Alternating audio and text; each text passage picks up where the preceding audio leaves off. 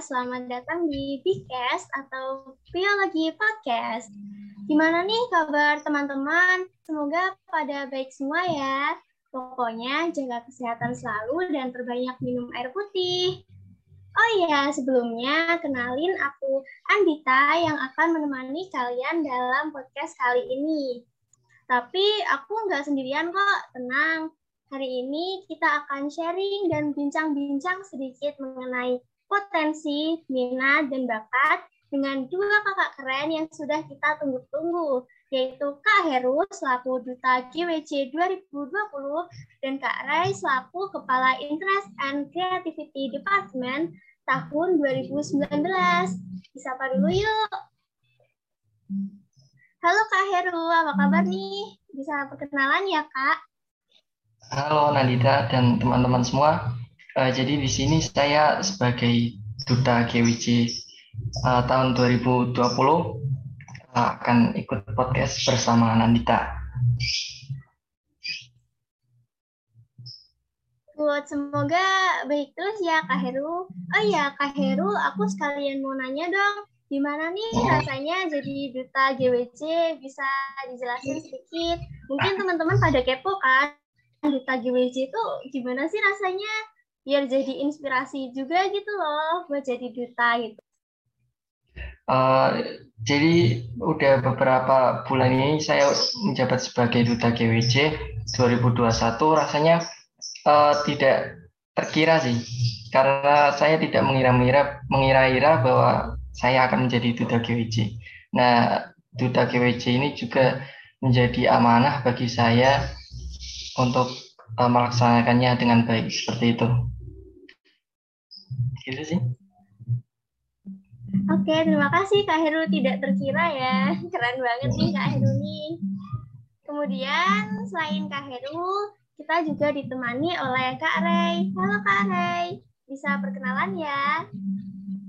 Halo, halo, selamat pagi, siang, sore, malam mungkin dari teman-teman semuanya, dari Andita juga. Uh, mungkin bisa saya perkenalkan diri saya. Saya Ray. Uh, saya merupakan mahasiswa biologi uh, UNES angkatan tahun 2018 dan pada waktu tahun 2019 itu saya diamanai menjadi uh, kepala departemen dari uh, minat bakat atau uh, interest and creativity department gitu. Ya jadi harapannya uh, ya semoga nanti kita dalam bincang-bincang ini ya bisa bermanfaat lah bagi teman-teman semua gitu. Oke deh, terima kasih ya Kak Ray. Bagus nih, semua kabarnya baik. Oh iya, aku lupa nih Kak Ray, aku nanya dong, uh, gimana rasanya dulu jadi Kepala Departemen Inkref? Bisa ceritain nih sedikit gitu? Ah ya, jadi uh, jadi Kepala Departemen Inkref itu sebetulnya uh, hal yang menarik ya, karena dalam pandanganku sendiri minat bakat terutama minat bakat mahasiswa gitu ya. Karena kita kan sudah di dunia perkuliahan gitu sudah di kampus gitu. Saya mikirnya bahwa minat bakat tuh hanya kayak ya mungkin bernyanyi secara uh, yang umum gitu bernyanyi kemudian menari terus habis itu kayak olahraga uh, misalnya futsal basket badminton dan lain-lain gitu. Nah pada waktu saya menjabat gitu saya mikirnya uh, mungkin minat bakat apa aja sih yang bisa teman-teman terutama biologi ya terutama teman-teman biologi uh, harus kembangkan gitu sesuai dengan uh, keadaannya sekarang gitu. Apalagi waktu itu uh, waktu aku jabat kan tiba-tiba ada pandemi covid gitu. Jadi ya semua proja dan agenda ya tiba-tiba harus diganti uh, gitu harus di reshuffle gitu ya. Jadi harus direvisi gitu. Nah sebetulnya yang uh, membuat kita tertarikan saya itu uh, yang tadi itu bahwa bisa nggak sih nemuin minat bakat uh, dari mahasiswa biologi selain minat bakat yang uh, secara umum sudah ada di uh, uh, di masyarakat ini gitu. Ya, seperti Keren itu. banget ya Kak Reini bisa membantu teman-teman biologi ya khususnya untuk mengembangkan minat bakat yang mereka punya gitu. Oke, terima kasih ya sekali lagi. Oh ya, selanjutnya teman-teman pasti udah gak sabar nih dengerin pembahasannya. Jadi di sini akan bincang-bincang dengan Kak Heru dan Kak Ray tentang potensi, minat, dan bakat. Semestinya sih dari Kak Heru dan Kak Rey punya perspektif yang berbeda kan? Nah, aku dan teman-teman yang lagi dengerin podcast ini pengen tahu nih, ya harapannya nanti bisa ngasih insight baru ke kita gitu tentang pentingnya potensi, minat, dan bakat. Ngomong-ngomong mengenai potensi, minat, dan bakat itu ketiganya sangat penting buat dibahas loh. Dengan tahu ketiga hal itu, kita bakal lebih bisa mengenali diri kita sendiri, sehingga harapannya bisa menuntun kita ke masa depan yang kita akan pilih nantinya gitu. Oh iya, langsung saja ke pembahasannya ya. Di sini aku mau nanya-nanya dikit nih ke Kak Rey sama Kak Heru. Nah, mungkin apa sih yang Kak Heru dan Kak Rey ketahui tentang potensi, minat, dan bakat boleh Kak Heru dulu nih yang jawab, abis itu Kak Ray gitu. Hmm, terima kasih uh, Anggita. Menurut saya potensi, minat, dan bakat ini uh, merupakan tiga hal yang saling berkaitan ya, walaupun agak sedikit berbeda-berbeda, berbeda-beda, tetapi ketiganya ini juga masih memiliki keterikatan. Misalnya uh, potensi. Nah, potensi ini tentang kemampuan uh, yang tersembunyi di dalam diri kita, tapi uh, perlu dioptimalkan si potensinya ini. Nah, kemudian uh, bakat potensi ini apabila dipicu dengan uh, minat atau keinginan dari individu kita sendiri akan memunculkan yang namanya bakat. Nah, bakat ini merupakan uh, kemampuan bawaan yang merupakan potensial di dalam diri kita yang alamiah gitu. Jadi uh, walaupun tiga bahasan yang berbeda tapi memiliki keterikatan antara ketiganya. Seperti itu kalau menurut saya. Monggo silakan kalau Mas Rey. Uh, mungkin hanya lagi ke Mas Heru nih dari Iya, Kak Heru sendiri contohnya apa tuh Kak dari ketiganya gitu? Kalau misal uh, potensi ya, misal potensi di uh, contoh yang biasanya aja, misal kita uh, memiliki jiwa-jiwa musik di dalam diri kita gitu, tetapi uh, belum terasah secara baik gitu. Kalau potensi. Terus uh, tetapi di dalam diri kita tuh ada keinginan keinginan akan dunia dunia musik tersebut. Sehingga kita uh, mencoba melatih atau lebih sering berkecimpung di musik tersebut. Nah terus setelah diasah ini maka uh, muncullah bakat bakat di dalam mus musik contohnya seperti contohnya seperti itu kalau contoh gampangnya ya Iya, terima kasih banyak ya Kak Heru. Sangat-sangat informatif ya. Mungkin dari Kak Ray ada perspektif lain sendiri dari Kak Ray. Apa tuh yang Kak Ray ketahui tentang potensi, minat, dan bakat? Dan bisa dikasih contohnya juga tuh Kak. Oke, oke. Uh, mungkin tadi semua yang dijelasin sama Mas Heru tadi sudah sangat apa menjelaskan ya mengenai potensi minat dan bakat di sini saya cuma mau eh, mungkin menambahkan sedikit ya sedikit banyaknya mengenai hal tersebut gitu uh, mungkin dari pengertian dulu aja ya mungkin dari uh, kalau dari aku tadi kan buka-buka apa KBBI kamus besar bahasa Indonesia itu nah jadi kalau uh, potensi sendiri itu berarti kan artinya itu kemampuan itu yang mempunyai kemungkinan untuk dikembangkan jadi segala sesuatu yang mempunyai kemungkinan untuk dikembangkan itu disebut disebut, disebut dengan uh, potensi seperti itu. Nah, uh, bisa kita kasih contoh ya. Misal nih ada di berita nih uh, di di daerah misalnya di daerah Semarang terjadi gempa dengan uh, skala misalnya 6,5 gitu ya. Nah, terus nanti si pembawa acaranya itu bilang uh, gempa ini nanti ber, ber, ber, berpotensi untuk menimbulkan uh, tsunami. Nah, di sini kan berarti entah itu nanti potensinya kecil atau besar, tapi kan gempa itu nanti bisa berpotensi untuk menghasilkan uh, tsunami. Nah, contohnya seperti itu. Jadi potensi itu mempunyai kemungkinan untuk dikembangkan. Entah itu nanti kesanggupan, daya, pokoknya itu mempunyai kemampuan untuk berkembang. Nah, kemudian kita masuk ke minat nih. Sedangkan kalau minat itu eh, seberapa besar seseorang merasa suka atau tertarik atau tidak suka atau mengabaikan kepada suatu rangsangan. Nah, itu kalau minat sendiri. Uh, kalau dicontohkan, gampangnya seperti ini. Mungkin uh, sebagai seorang manusia, kita pasti memiliki minat gitu ya, atau mungkin memiliki rasa suka terhadap uh, lawan jenis kita gitu ya. Laki-laki ke perempuan dan sebaliknya gitu ya. Nah, itu minat itu bisa saja merasa suka ataupun juga tidak suka gitu. Jadi tergantung dari masing-masing uh, orangnya gitu ya. Jadi minat, minat sendiri itu nanti akan menjadi dorongan yang kuat bagi seseorang untuk melakukan segala sesuatu yang menjadi uh, keinginannya gitu ya. Itu sebagai contoh contoh dari minat gitu ya.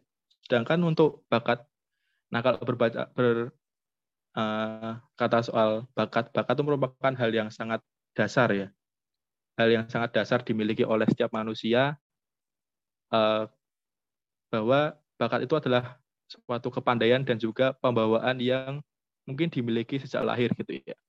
Kalau saya dulu diajarkan itu bahwa setiap manusia itu diberi bakat atau mungkin uh, talenta, bakat atau talenta yang uh, jumlahnya itu berbeda-beda setiap manusia. Jadi mungkin ya, mungkin saya memiliki uh, dua bakat gitu, sedangkan mungkin Aninita mempunyai empat bakat, sedangkan mungkin Mas Heru memiliki uh, lima bakat dan lain seterusnya gitu ya.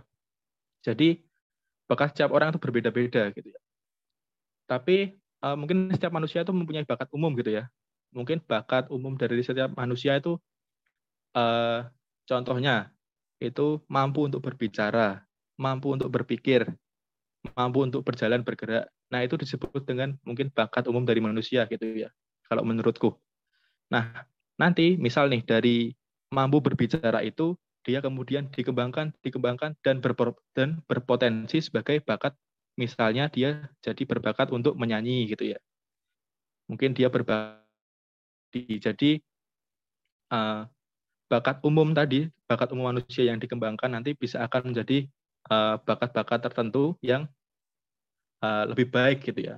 Dan tentunya bakat itu perlu digali, perlu ditemukan, perlu dilatih dan juga dikembangkan.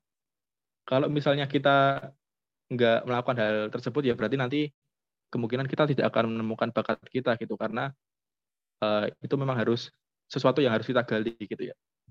Ya itu mungkin uh, tambahan dari saya mengenai ketiga hal tersebut gitu. Oke, terima kasih ya Kak Ray, sangat informatif juga ya tentunya. Nah, aku mau tanya lagi nih dari Kak Heru dan Kak Ray, ada tips gak sih membedakan ketiganya?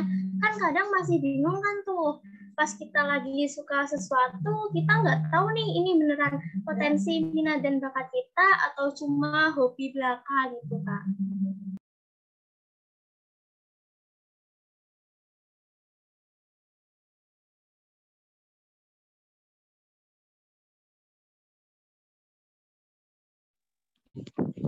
Mungkin dari aku dulu ya. Ya, silakan Kak Rai. Ah, ya, mungkin uh, untuk mengetahui perbedaan ketiganya karena ya memang itu uh, ketiga kata itu memang mungkin di dalam uh, sehari-hari mungkin terkesan sama gitu ya atau ah, artinya sama aja gitu. Tapi sebetulnya itu mempunyai apa hubungan masing-masing gitu.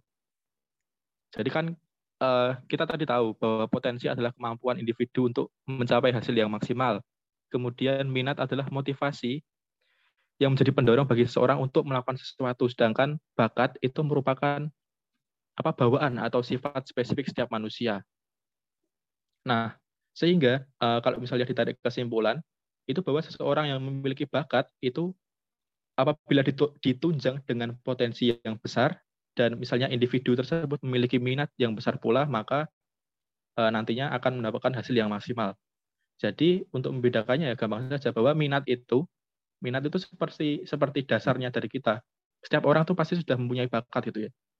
Jadi uh, mungkin teman-teman tidak perlu khawatir bahwa wah aku nggak punya bakat nih. Aku nggak ada apa nggak ada talenta nih yang bisa aku kembangkan, yang bisa berguna untuk orang lain. Itu berarti teman-teman mungkin belum menggali atau belum mengembangkan atau bahkan belum menemukan uh, bakat dari masing-masing gitu ya. Jadi bakat tersebut harus digali gitu. Sedangkan untuk potensi, nah setiap bakat itu nanti akan akan memiliki potensi sebesar atau sekecilnya itu nanti uh, seberapa besar potensinya atau seberapa kecil potensinya itu nanti akan berpengaruh dari minat uh, dari teman-teman semua gitu. Misalnya uh, minat untuk melakukan sesuatu ini untuk mengembangkan suatu bakat. Nah, itu kalian harus besar juga gitu kalau mau potensi yang besar gitu. Ya, jadi uh, meskipun ketiga kata tersebut uh, masih berhubungan, uh, sebetulnya itu kata-kata yang berbeda. Itu hanya saling berhubungan saja untuk uh, untuk mendukung satu sama lain aja gitu. Mungkin itu sih dari aku. Oke, terima kasih deh Kak Ray. Mungkin dari Kak Heru ada perspektif lain dari Kak Heru, ada yang mau ditambahkan dari pendapat Kak Ray gitu?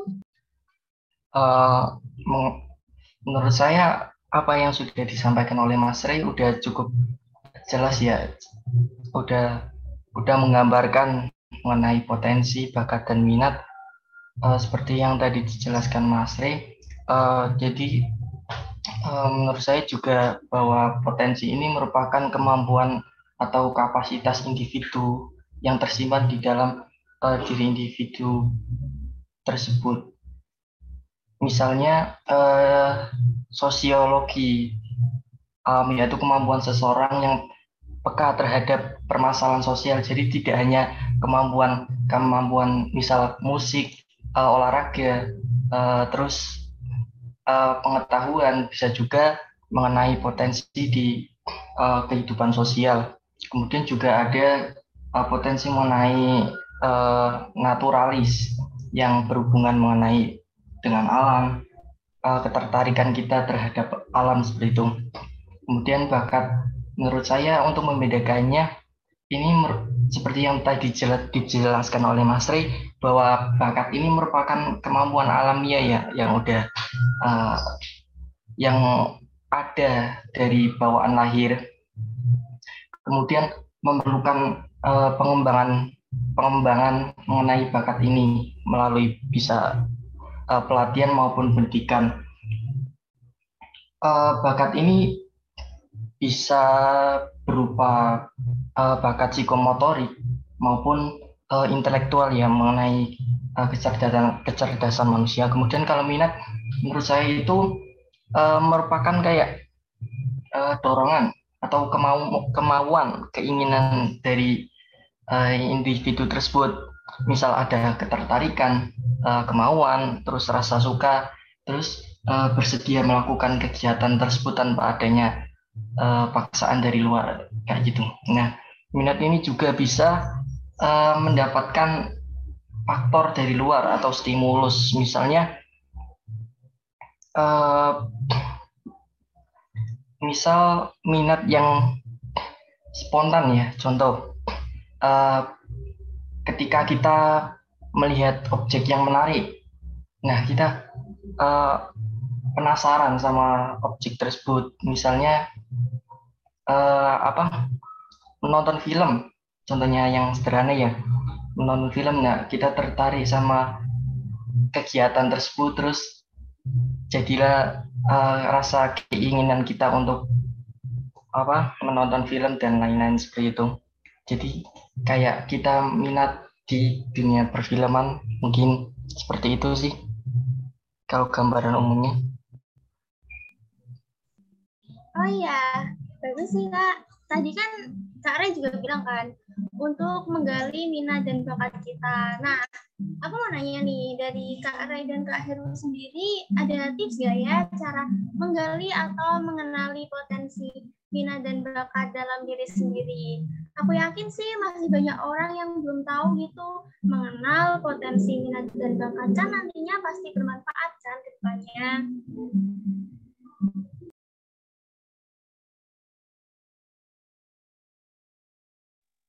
Oke, mungkin kalau misalnya misalnya pendapatku sih ya, uh, ini mengenai uh, murni dari pendapatku sendiri mengenai uh, cara mengenali potensi minat bakat dalam diri sendiri ya. Karena mungkin setiap orang itu menemukan bakatnya itu uh, berbeda-beda itu caranya.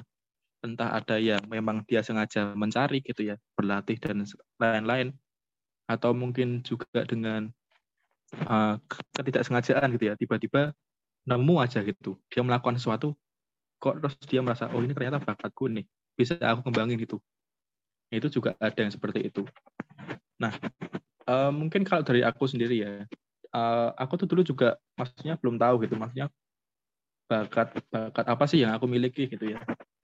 Mungkin aku merasanya merasa kayak ya aku bisa-bisa aja ini di semua di semua bidang bisa aja. Tapi aku merasa bahwa di bidang tersebut tuh aku kayak ya secara normal aja lah nggak ada yang menonjol-menonjol banget gitu nah jadi dulu waktu aku mungkin ya masih SMP atau SMA itu semua hal itu aku coba gitu ya mungkin kayak uh, mungkin dari alat musik terus habis itu mungkin dari apa pelajaran gitu ya dan hal-hal yang lain gitu ya. Jadi semua hal itu uh, aku coba gitu ya. Jadi mungkin uh, yang teman-teman butuhkan untuk menggali bakat masing-masing itu mungkin harus berdasarkan dari pengalaman. Itu memang teman-teman harus mencoba sih.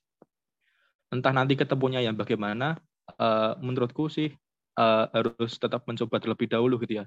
Entah itu nanti tidak menjadi bakat kalian juga tidak apa-apa. Anggap saja itu sebagai pengalaman seperti itu.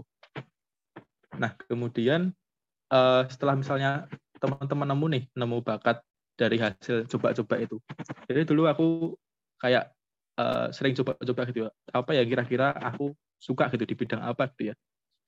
Nah ternyata setelah dicari dicari dicari ternyata aku itu lebih unggul atau lebih ya mungkin aku lebih suka itu di bidang uh, sport gitu ya atau mungkin di bidang olahraga gitu ya.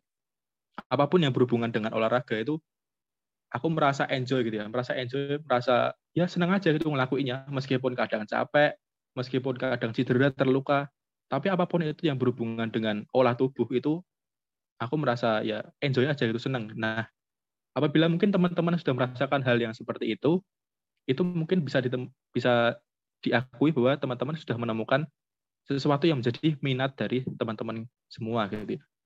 Nah, mungkin nanti dari situ mungkin itu nanti bisa dikembangkan lagi nih. Kan nggak mungkin kan dari semua olahraga itu, misal nih, misal dari semua olahraga itu teman-teman kuasai semua gitu ya. Mulai dari badminton, mulai dari futsal, basket, dan olahraga lainnya. Itu teman-teman bisa uh, enjoy atau bisa semua. Nah ternyata nggak juga nih. Jadi dulu ceritanya nih. Jadi aku kalian cerita-cerita nggak apa-apa kali ini? Nggak apa-apa kak. Oh iya, jadi sekalian cerita-cerita. Jadi dulu waktu aku jabat jadi anggota Ingraf nih ya, jadi anggota Ingraf, kan ada satu agenda itu yang namanya uh, fun futsal, ya. fun futsal. Mungkin sekarang udah udah masih belum apa berlangsung ya, belum diadakan lagi gitu. Nah, jadi setiap minggu itu itu aku harus uh, standby di kampus gitu ya, malam itu. Biasanya futsal itu diadakan jam 8 sampai jam 10 malam itu kita dua jam fusalan gitu bareng teman-teman angkatan bawah dan juga angkatan atas gitu ya. Nah, kelama kelamaan pertamanya sih aku ya biasa-biasa aja gitu. Pertamanya aku ya ya udah tak lakuin aja lah karena aku juga staff dari Ingraf ya. Ini jadi tanggung jawabku gitu. Tapi lama kelamaan tuh aku nganggap bahwa ah ternyata futsal nggak se enjoy yang aku pikirkan gitu. Ternyata ya udah cuman gini-gini doang gitu. Jadi lama kelamaan tuh malah jadi hal yang apa membebani gitu membebani dan ya aku nggak suka aja gitu nah pada saat itu aku bawa aku mikir nih oh berarti mungkin futsal bukan uh, bukan bakatku atau mungkin bukan minatku dan aku juga tidak berpotensi di uh, futsal itu nah lalu kemudian uh, setelah lulus nih eh setelah lulus setelah sudah tidak aktif di hima maksudnya setelah demis hima nah itu kan uh, mulai nih sibuk sibuk penelitian kemudian ada kegiatan lain-lain gitu nah kebetulan uh, skripsiku atau penelitianku itu kan mengenai keanekaragaman gitu ya. Keanekaragaman uh, itu di uh, saya harus mencari rayap di gunung gitu. Jadi saya travel naik gunung buat cuman cari nyari nyari rayap gitu. Tapi entah bagaimana, entah bagaimana itu saya enjoy aja gitu ngerasainnya. Bahwa saya naik naik ke gunung gitu nyari ke kanan kiri nyari rayap gitu tapi aku seneng seneng aja gitu aku ngolah tubuhku dengan cara naik gunung itu aku seneng seneng aja gitu makanya sampai aku rela gitu maksudnya capek-capek terus habis itu uh, sampai ke gunung gitu cuma buat nyari rayap tapi karena itu sudah menjadi minatku dan saya merasa aku aku ada bakat nih buat apa buat jadi traveling buat maksudnya buat traveling gitu ya Nah, jadi aku ya udah coba aja gitu dan ternyata ya aku malah semakin enjoy gitu ya buat di bidang itu gitu. Nah, dari situ dari situ aku jadi kenal kayak uh, ekologi, jadi kenal uh, ke lingkungan yang lebih dalam gitu. Jadi bisa lebih mengembangkan diriku yang sepenuhnya gitu. Jadi memang teman-teman tuh harus coba dari hal-hal yang kecil dulu sih biar kalian bisa dapat langsung hal yang besar itu sepertinya tidak mungkin itu. Tapi memang harus semuanya itu harus dimulai dari hal yang kecil seperti itu. Itu mungkin menurut saya sih. Terima kasih Kak Ray. Dari cerita Kak Ray aku jadi kepikiran deh. Mungkin karena itu ya banyaknya anak-anak sekarang yang udah masuk kuliah gitu ya mesti kan tahu kan ada fenomena yang namanya salah jurusan. Mungkin itu gara-gara mereka semua belum mengenali potensi minat dan minat dan bakat dalam diri mereka sendiri. Itu kali ya pak nah itu juga betul betul juga sih. Itu sebetulnya ya. Sebetulnya kalau misalnya dibilang milih jurusan atau milih kan kita namanya kuliah berarti ya kuliah berarti kan harusnya sesuai dengan minat kita ya. sesuai dengan apa yang mau kita lakukan jadi kalau kata ayahku nih kata ayahku nih kalau bekerja itu sesuai dengan apa yang kita suka atau sesuai dengan hobi, bakat dan minat kita, itu bekerja itu rasanya asik banget gitu. Jadi kamu bekerja dengan hal yang kamu sukai, terus habis itu kamu dibayar pula. Kamu dapat dapat uang dari hal yang kamu sukai itu kan suatu yang sangat mengesankan itu, suatu yang sangat asik gitu ya. Dibandingkan kalian harus ya mungkin eh, kalian kerja di suatu tempat yang ya kalian terpaksa kerja di situ sebetulnya gitu ya. Ya kalian memang terpaksa dan sebetulnya tempat itu nggak nggak asik-asik banget dilakuin itu buat buat diri kamu gitu. Nah itu kan hal yang berbeda gitu. Kalau misalnya kalian sudah menemukan uh, potensi minat dan bakat dari awal seharusnya dalam memilih jurusan biologi ini uh, ya bisa enjoy aja itu di biologi tapi kalau misalnya uh, di tengah jalan tiba-tiba kok kayaknya aku salah jurusan deh kayaknya aku harusnya nggak di sini deh. Nah, itu berarti ada yang problem itu. Berarti ya mungkin waktu kalian pilih jurusan, kalian dipaksa sama orang tua kalian, mungkin bisa. Atau mungkin memang kalian terpaksa milih. Itu sih. Eh, tapi tapi bisa juga setelah kalian nyemplung di biologi, setelah kalian nyemplung di biologi, tiba-tiba kalian nemu bakat dan minat kalian yang lain, itu juga bisa. Itu juga terjadi di aku. Jadi semua hal yang tadi aku sampaikan uh, cerita aku tadi yang di awal tuh ya karena aku masuk di biologi sebelumnya ya nggak ada kepikiran buat uh, hal tersebut jadi uh, minat dan bakat itu sebetulnya bisa digali dan dicari kapan pun itu ya selagi kalian mau untuk melakukannya gitu jadi kalau misalnya ya kalian harus itulah harus semangat buat tetap ngelakuin yang terbaik gitu itu menurut aku sih gitu. Jadi kesimpulannya minat dan bakat bisa dicari kapan pun ya. Bahkan di waktu yang kita nggak tahu nih, ternyata pas menjalanin kok enjoy aja. Nah itu mungkin baru muncul minat bakatnya gitu. Nah dari Kak Heru sendiri ada pandangan yang berbeda atau mau menambahkan gitu dari pendapat Kak Ray gitu Kak? Oh, menurut saya apa yang udah disampaikan Mas Ray itu udah mencakup semuanya ya. Uh,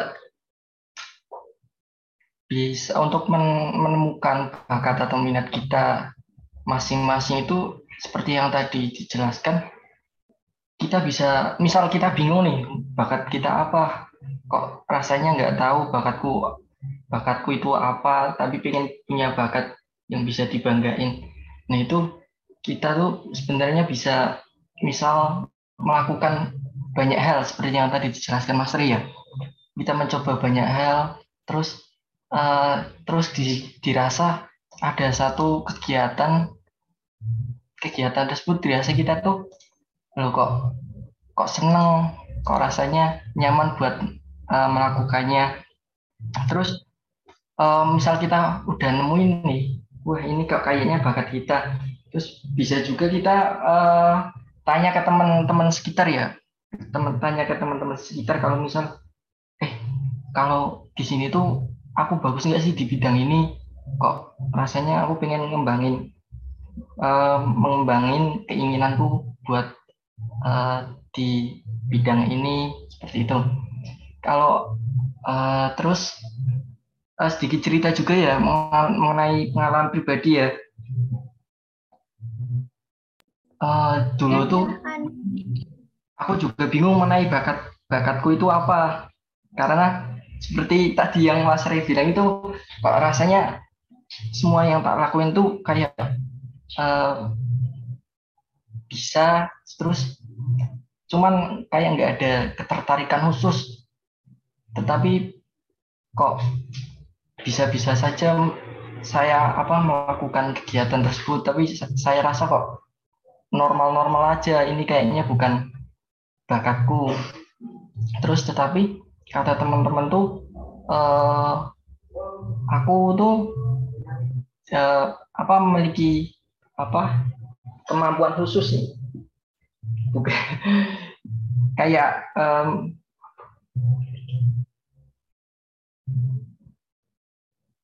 punya kelebihan punya kelebihan kelebihan di bidang ini. Misal kata temen tuh di edit edit itulah intinya. Tapi menurutku itu nggak terlalu uh, bukan hal yang benar-benar tak sukai seperti itu sih jadi uh, untuk memilih minat bakat tuh sebenarnya bisa melakukan banyak hal seperti yang tadi disampaikan Mas Rey. Terus kita bisa menemukan uh, dari beberapa hal yang dilakukan itu kok rasanya senang itu bisa dilanjutkan apabila kita udah bekerja di uh, bidang tersebut mungkin kita bisa mendapat income ketika mendapat uh, hasil itu dirasa senang. Untuk selebihnya apa seperti yang Mas Ri bilang sih udah cukup menggambarkan sekali menurutku sudah cukup jelas. Iya, terima kasih buat Kak Heru sama Kak Reya pengalamannya juga nih mungkin barangkali teman-teman bisa terinspirasi begitu. Iya, selanjutnya aku ada pertanyaan lain nih. Di mana sih seharusnya peran kita sebagai mahasiswa untuk memaksimalkan dalam pengembangan potensi, minat, dan bakat dalam diri dan lingkungan kampus gitu. Ya mungkin ini dari Mas Heru dulu ya, karena kan Mas Heru kan, yeah. kan sebagai mahasiswa uh, semester 6 ya sekarang ya Mas ya? Iya. Uh, ya, semester, iya mau semester 7. Iya, mau semester 7 ya berarti kan maksudnya sudah menjalani lama gitu. Ya mungkin dari Mas Heru dulu mungkin bisa Mas. Kalau di lingkungan uh, perkuliahan ya yang paling yang paling gampang tuh uh, menurut saya itu kayak ikut UKM unit kegiatan mahasiswa ya karena ada banyak sekali program di kampus uh, yang bertujuan buat mewadahi potensi minat bakat dari mahasiswa uh, khususnya mahasiswa unit di di unit kegiatan mahasiswa. Uh, menurut di UNES ini juga banyak UKM yang bermacam-macam. Terus jadi misal kita punya keinginan nih kalau kita juga apa masih bingung uh, bakat atau minat kita di mana kita juga bisa uh, ikut beberapa UKM UKM UKM yang ada di uh, kampus. Terus uh, minat bakat kita juga bisa ditempa di sini ya. Misal di uh, jurusan biologi. Misal kita jurusan biologi nih, tapi uh, pengen uh, tertarik sama dunia desain-desain yang khususnya itu pasti ke mahasiswa FBS gitu ya. Nah, tetapi kita juga pengen uh, keinginan buat berlatih di, di bidang itu, kita bisa ikut uh, UKM misal SRT, seni rupa desain. Kemudian misal uh, hobi kita nyanyi-nyanyi, uh, bisa ikut Bina Vokalia. Kemudian misal di jurusan biologi, kalian uh, memiliki keinginan keinginan mengenai penelitian, mengenai uh, alam seperti itu bisa ikut uh, UKM penelitian.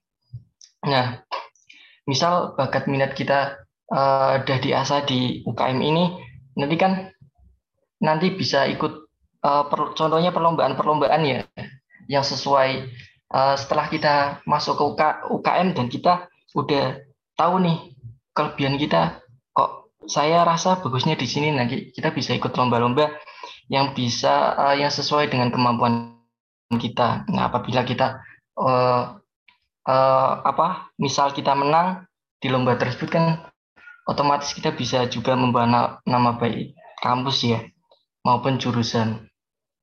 Nah, uh, UKM ini juga uh, didukung oleh kampus sehingga memiliki fasilitas yang uh, lebih baik lah daripada uh, kita mengembangkan minat bakat kita sendiri mending ikut gitu. Jadi untuk mencoba mengenali uh, potensi minat bakat di kampus itu sebenarnya kampus sendiri sudah mewadahi mewadahi buat mahasiswa kita apa khususnya mahasiswa kita ya di beberapa UKM yang sudah dibuka kayak gitu sih kalau menurut saya. Iya, setuju banget sih apa yang dikatakan Kak Heru di kampus nih banyak banget ya UKM-UKM. Kalau teman-teman nih masih ada minat nih dalam biologi, nah itu bisa dikembangin ke undergo undergo juga. Itu kan ada yang ini semisal minat nih tentang fermentasi, nah boleh masuk GFC dan undergo yang lainnya. Itu kan juga banyak kan nah gitu. Mungkin dari Kak Ray ada tambahan? Iya jadi betul tadi kata Heru kata uh, Anita juga bahwa sebetulnya kampus ini atau jurusan kita ini sudah mewadai ya mengenai eh, hal-hal uh, yang bisa kembangkan yang kita kembangkan gitu. Tapi mungkin dari teman-teman terutama yang biologi mungkin uh, ada muncul suatu pertanyaan ini. Luka, tapi kan aku uh, anak biologi nih. Aku kan harusnya penelitian, penelitian di lab, uh, habis itu nanti ke lapangan. Tapi kok aku lebih minat itu ya kak ke kenari ya, kenari ataupun ke nyanyi gitu ya kak, atau bahkan saya lebih tertarik ke tadi kayak apa Mas Heru tadi kan dia berbakat dalam uh, editing dan lain-lain gitu ya ya sebetulnya nggak apa-apa karena tadi uh, bisa dikatakan bahwa bakat manusia itu nggak cuma satu gitu. Jadi kita bisa memiliki uh, mungkin lebih dari satu, mungkin dua atau mungkin tiga atau mungkin lebih gitu ya, sesuai dengan uh, kapasitas masing-masing dari uh, setiap manusia gitu ya. Jadi ya sah-sah aja gitu, meskipun kamu anak biologi, tapi kamu kok berbakatnya ke bidang tari gitu ya nggak apa-apa gitu malah malah apa hal yang plus gitu ya menurut menurutku ya. Nah itu jadi kan bisa uh, dikembangkan gitu ya. Apa misalnya kamu suka tari ya berarti dikembangkan di tempat yang uh, kalau tari itu berarti di itu ya di kalau di FMIPA kan ada ada juga ya itu ya buat tari itu. Aku lupa namanya tapi ya itu juga ada gitu pokoknya uh, ya tadi itu apa namanya kalau misalnya di biologi sendiri di biologi sendiri itu sebetulnya untuk underpo ya sudah cukup banyak ya yang bisa kita uh, ikuti ya untuk mengembangkan potensi minat dan bakat. Memang, memang semuanya kita belum bisa untuk uh, menampung semuanya. Tapi setidaknya uh, kami ini apa teman-teman yang ada di kampus atau para underbo yang sudah ada di kampus itu mereka pasti ya berusaha sebaik mungkin untuk bersama-sama itu uh, mengembangkan potensi minat dan bakat kalian. Nah, misalnya nih kalian ada minat atau bakat yang mungkin tidak ada atau tidak ada wadahnya di kampus gitu ya. Nah, kalau misalnya tidak ada wadahnya di kampus ya bagaimana caranya kalian bisa secara mandiri itu mengembangkan uh, potensi minat bakat kalian gitu ya. Mungkin kalian cari teman yang sefrekuensi atau cari uh, komunitas dan lain-lain sehingga kalian waktu di kampus itu ya nggak nggak cuman kuliah doang gitu ya. Jadi kalian bisa selain kuliah bisa mengembangkan uh, potensi minat bakat uh, dalam diri kalian yang lain gitu. Meskipun meskipun berbeda dengan apa yang kalian pelajari pada saat di kampus itu. Sebetulnya itu uh, hal yang sah-sah aja. Uh, menurut saya seperti itu sih mungkin tambahannya. Setuju banget nih apa yang dikatakan oleh Mas Ray. Jadi kalau semisal di kampus belum ada wadah pengembangannya ya bisa teman-teman bisa explore nih. Mungkin dari teman-teman yang lain ada yang sefrekuensi maupun di luar kampus. Itu kan kegiatan kan juga banyak. Nah itu mungkin bisa diikuti. Nah ini kan udah bicara tentang peran kita sebagai mahasiswa Nah, aku ada pertanyaan nih terakhir. Gimana sih cara kita untuk mendorong teman-teman dalam peran pengembangan minat dan bakat mereka sehingga mereka bisa mengenali bakat mereka dengan baik? Hmm, uh, izin saya izin itu ya menyampaikan pendapat dulu ya. Ya Kak Heru silahkan. Menurut saya untuk mendorong teman-teman yang khususnya teman-teman sebaya itu kalau misal hanya apa memberikan ucapan ibaratnya tuh kayak uh, berkuar-kuar saja untuk mendorong teman-teman tapi tidak ada uh, melakukan aktivitas langsung itu kayak kurang. Jadi uh, yang pasti yaitu memberi kayak memberi contoh langsung ya. Kita kita sendiri itu kayak memberikan contoh langsung ke teman-teman ke teman-teman kita uh, untuk uh, mengembangkan minat bakat kita. Nah, tidak efektif apabila kita hanya uh, hanya mengajak teman-teman saja tanpa melakukan. Tetapi kita sendiri tidak memberikan contoh langsung. Uh, kemudian bisa juga uh, diskusi langsung dengan teman-teman teman sebaya mengenai minat bakat. Terus uh, kalau bisa tuh misal mengajak kolaborasi dengan teman kita, misal ada yang enaknya tuh misal mengikuti lomba ya. Nah, contoh yang pernah saya lakukan tuh uh, misal lomba poster penelitian kan ini dua hal yang uh, dua hal yang berbeda tapi bisa dijadikan satu misal penelitian sendiri kan satu bidang kemudian uh, membuat poster itu kan tidak bisa asal-asalan juga ya untuk menampilkan hasil penelitian, penelitian ini berupa posternya ini.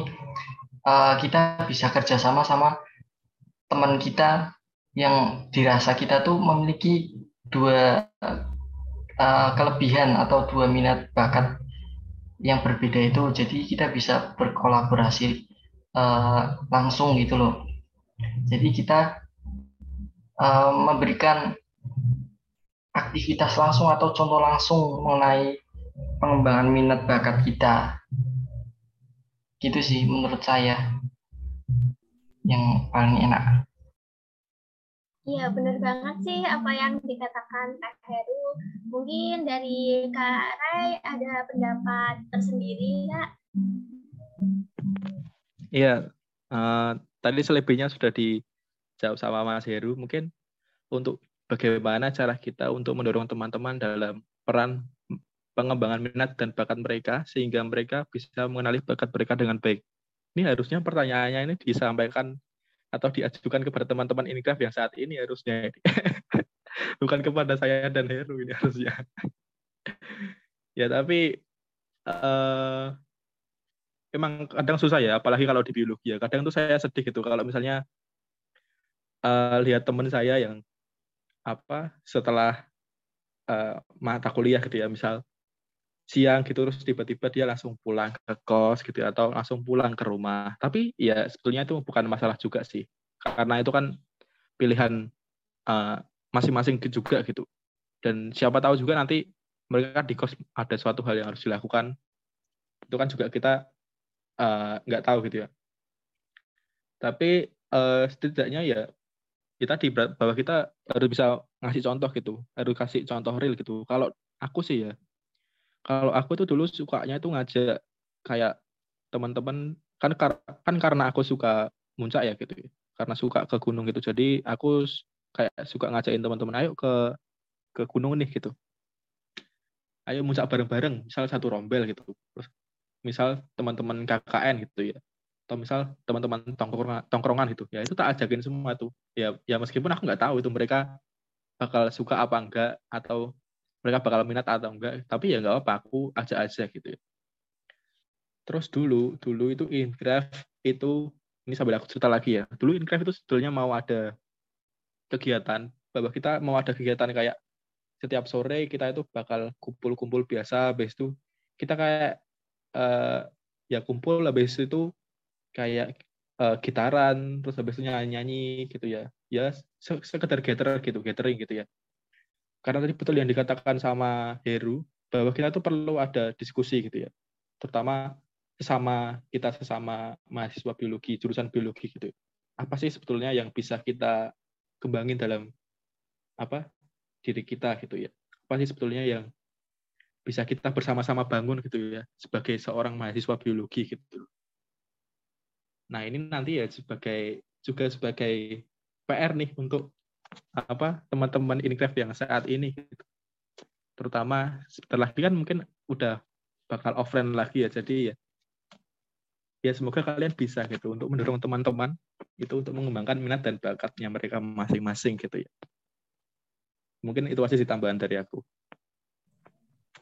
yang dikatakan Mas Ray juga benar ya dari Intrap sendiri kan ada banyak program kerja yang menunjang minat dan bakat bagi mahasiswa biologi khususnya gitu. Nah itu merupakan ya baik sekali sih bagus banget gitu. Terus ini ternyata sudah terjawab semua ya pertanyaannya. Jadi semoga teman-teman yang lagi dengerin podcast ini bisa tercerahkan gitu. Barangkali ada yang lagi berusaha cari potensi minat dan bakat, ada yang lagi berusaha mengembangkannya juga. Nah, semoga apa yang disampaikan Kak Heru dan Kak Ray bisa jadi inspirasi buat kalian. Oh iya, Mungkin dari Kak Rai maupun Kak Heru ada yang mau disampaikan lagi bagi teman-teman yang sedang mendengarkan podcast ini, Kak? Mungkin penutup ya, penutup ya, kesimpulan itu ya, atau gimana? Ya, boleh. Ya, mungkin dari aku dulu ya. Mungkin uh, untuk kesimpulan atau penutup buat podcast uh, kali ini. Mungkin siapa pun kalian yang lagi mendengarkan podcast ini, kalian yang lagi bingung mengenai aku ini punya bakat atau enggak, aku ini harusnya ngapain sih ini udah umur segini tapi kok enggak ngapa-ngapain, enggak punya minat, enggak punya bakat gitu ya. Ya jadi kalian memang harus berusaha gitu, jangan jangan bersedih karena pada dasarnya setiap manusia itu pasti memiliki bakat masing-masing gitu. Jadi kalian hanya perlu berusaha, hanya perlu kalian gali dan hanya perlu kalian kembangkan gitu untuk kalian bisa menemukan uh, minat dan juga bakat kalian. Ya semoga saja nanti teman-teman uh, terutama teman-teman biologi ya ini ya, teman-teman biologi uh, bisa menemukan bakat dan minatnya terutama uh, di bidang biologi ini gitu ya. Ya semoga saja uh, kalian uh, di jurusan ini bisa enjoy, bisa melakukan dengan senang hati dan memang kalau misalnya kalian merasa ini salah jurusan ya tetap lakukan yang terbaik gitu siapa tahu nanti di tengah jalan kayak aku gitu nanti kalian bisa menemukan bakat dan minat kalian sendiri gitu mungkin uh, dari aku cukup sih Udah, terima kasih ya Kak Ray. Terus Kak Heru nih, apakah ada yang ingin disampaikan? Uh, buat teman-teman yang uh, merasa belum menemukan bakatnya, belum mengetahui apa potensi yang dalam dirinya, uh, mungkin tetap semangat. Uh, kita tidak boleh ber, beranggapan, berpikiran bahwa bakat minat itu hanya uh, misal dalam seni saja, olahraga saja, tetapi bakat minat tuh banyak di bidangnya ya. Bukan hanya uh, olahraga terus seni saja tapi banyak bakat yang lainnya. Yang tanpa tanpa kita sadari bahwa uh, hal tersebut tuh bakat kita kita masing-masing. Sebenarnya kita juga memiliki bakat atau potensi dalam diri kita masing-masing yang perlu kita kembangkan dan kita latih lebih banyak lagi. Seperti itu. Terima kasih. Mantap deh pesan Kak Heru dan Kak Ara yang tadi. Jadi bisa diingat terus ya teman-teman, baik yang lagi mencari maupun mengembangkan potensi minat dan bakat dalam diri kalian masing-masing gitu. Sekali lagi terima kasih ya buat Kak Heru dan Kak Ray yang sudah meluangkan waktunya buat ngobrol di sini. Semoga Kak Heru dan Kak Ray lancar terus kuliahnya dan cepat lulus ya. amin. Amin, amin, amin. Mungkin itu aja dari aku. Sampai jumpa di podcast selanjutnya. Dah.